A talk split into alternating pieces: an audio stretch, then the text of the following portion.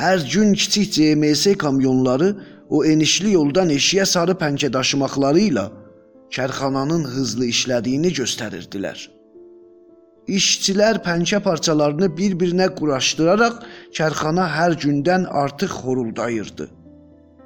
İşçilərin un payı neçə qat artırılıb, Lord çörəyi kərxanadan eşikdə heyrət edici qiymətlə satılırdı. Əldən ələ gəzib, sonra da bayatmışı ilk qiymətindən 30 qat artığına atanın əlinə çatırdı. Qoxusuz, kəpəksiz, yeməli ağ bir çörək idi. Ata dəyəri var deyib ondan artığına da dəyəri olmasına and içirdi. Hələ də paraşütçular şəhərə enirdilər. Şəhəri ölüm iyisi verən səssizlik bürümüşdü. Anlaşılmaz hayküylə hərdən bir şəhərin həndəvərindən güllə səsi gəlirdi. Yusif hər gün saatlarca eyvanda durub paraşütçuların seyrinə dalırdı susuzlamadan, acmadan, bir yerə getmədən gecə-gündüz eyvandaydı. Bir gün özü də uçmaq həvəsinə düşdü. Bu işi rahatca yerinə yetirə bilərdi. Atanın otağına getdi, atanın böyük qara çətirini götürdü, neçə sicimlə özünü çətirə bağladı. Damın qırağında durub uçmaq üçün aşağı atıldı. Sonra Cabir Orxaninin evinin həndəvərində ananın inanılmaz bir qışqırtısı ilə qaça-qaç düşdü. Saysız adam yığılmışdı. Lord Pəncə düzəldən kərxanasının o birisi başına kimi dalğalanırdı. Olayın hamısı buydu. Ana illər boyu uşaqlarına böyük qardaşız uçmaq üçün damdan atılıb bu günə düşdü deyirdi. Yusif adamla heyvan arasında olan bir zada çevrilmişdi. Ölümcül diri idi. Bir parça ət idi. Əlinə düşdüyünü ağzına təpən bir heyvan olmuşdu. Aydından başqa o biri uşaqlar rahatlıqla ananın sözünə inanırdılar. Amma o hər zaman caylaşmış qardaşına fikirləşəndə o savaşla axının onların ailəsində yalnız Yusifin kimliyini dəyişməsi üçün baş tutmasını düşünürdü. Həmişə qafasında qardaşı gövdəsiz, bozarmış bir şəkildə yaşayırdı. Keçmişlərdə Yusifin gecə-gündüz yuxlayıb ya da bir bucaqda oturub göyə baxmasını xatırlayırdı. Bir dönədə damdan çətirlə atılmasından öncə öncül üzgüncüləri yamsılayaraq evin yuxarı qatının eyvanından hovuza atıldığı üçün Ata onu evdən eşiyə salmaq istəyirdi. Ancaq onu evdən eşiyə salmaq olmazdı. Otağın bir bucağında poxsüdüyün boğucu qoxusu ilə bir döşəyin üstünə düşürdü. Beş duyudan yalnız baxış duyusu işdən düşməmişdi. Gözlərini adamlara zilləyib ac gözlülüklə onların əllərinə baxırdı. Bir qıçı buddan Başqası isə diz tərəfindən sınmışdı. Ətinə girmiş sümüyü kələ-kötür bitmişdi. Ördək qıçı kimi qollarına paralel olaraq döşəyin iki yönündən eşikdə qalırdı. O odlu savaş günündə dağılıb ölümcül hala düşmüş Yusifi içəri gətirdilər. Ata pillələrin üstündən qəbristana aparın deyə bağırdı. Ana Nə üçün qəbristana aparaq? dedi. Ata, məgər diridir? dedi.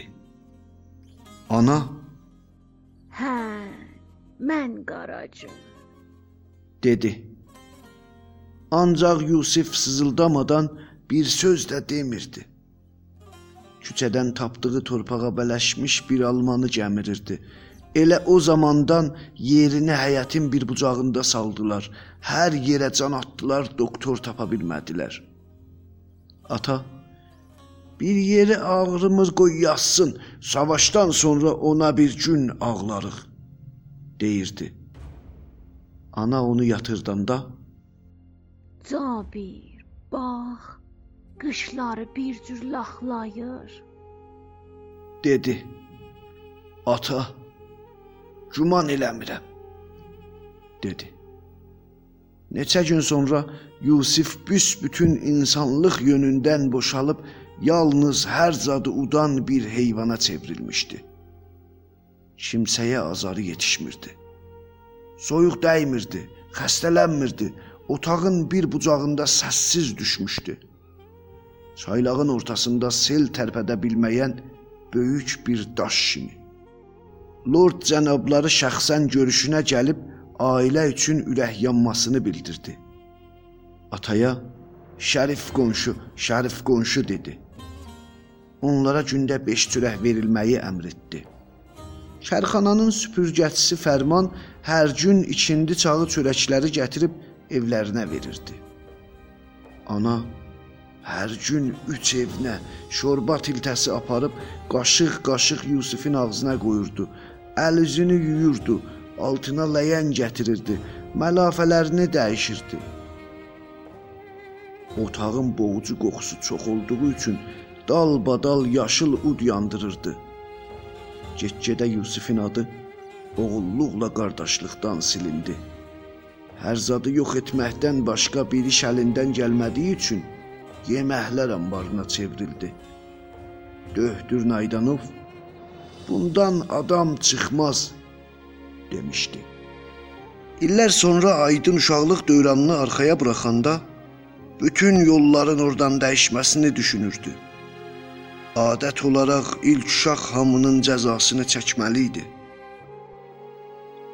Vərəsələrin yalnız çox mala sahib olmağı üçün artıq tamahkarlıqlarını da bilirdi. Sonralar aydınca yozulan belə zatlar ilk başda bir yuxu kimi idi. Ata aydını yaxşı becərtmək istəyirdi. Ancaq nə qədər çalışırdı, yenə bir iş başa sala bilmirdi. Çalışmaqları zərərinə də qurtulurdu. Yusifdən sonra indi Aydın ilk uşaq sayıldığına görə sıxma boğma onun üstündə başlayırdı. Bir gün Aydın tər tökə-tökə qıpqırmızı küçə başındakı qırnadan su içib qıvraq həyətə sarı qaçdı. Salxım söyüd altında olan təxtin üstündə ata qovun yeyirdi. Bir an macal tapdı. Ondan "Haradaydın?" deyə soruşdu. Aydın kəhəldəyə-kəhəldəyə küçədə deyib ayaq yoluna sarı qaçmaq istədikdə ata bağırdı. Aydın yerində qurudu. Ata, küçənin bu erkək eşşəkləri ilə oynayırsan? Dədənənələrini tanıyırsan? dedi. Yox, dedi.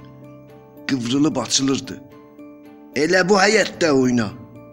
Amma camları sındırma. Get.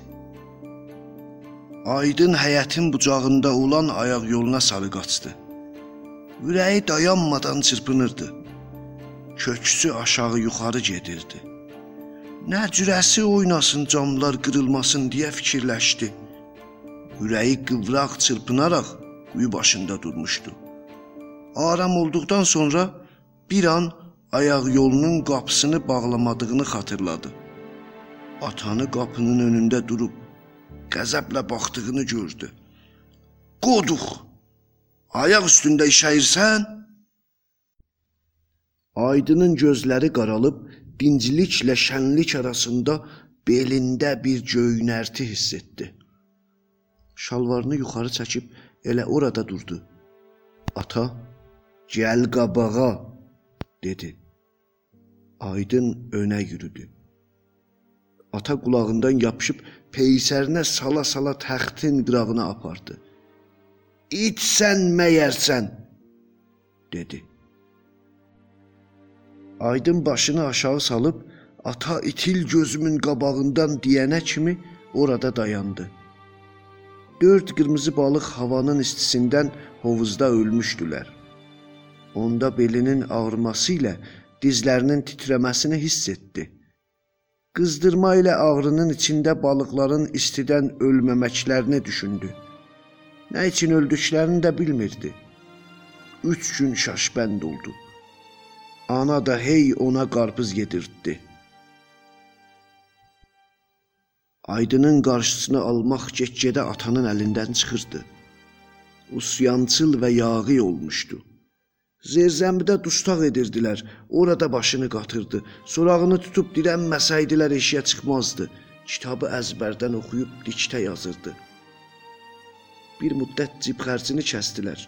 Sərçeşmə meydanında qatıqçı dükanında işlədi. Süd qazanını qarışdırıb gündə 1 qram muz alırdı. Puluna kağızla kitab alması atanı artıq bezdirirdi.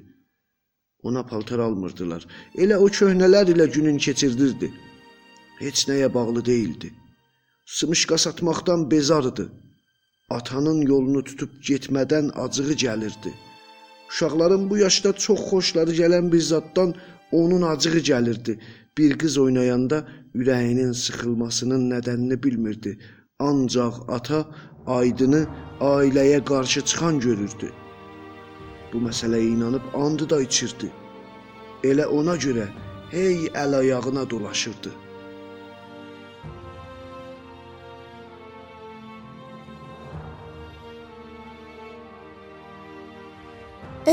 Senfoniyası 1-ci çap Yazar Abbas Marufi.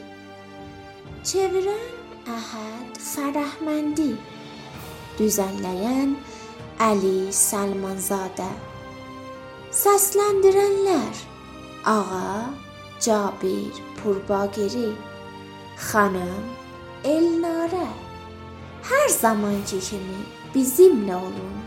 Bizim axağımızın adresi Dastanca. D A S T A N C A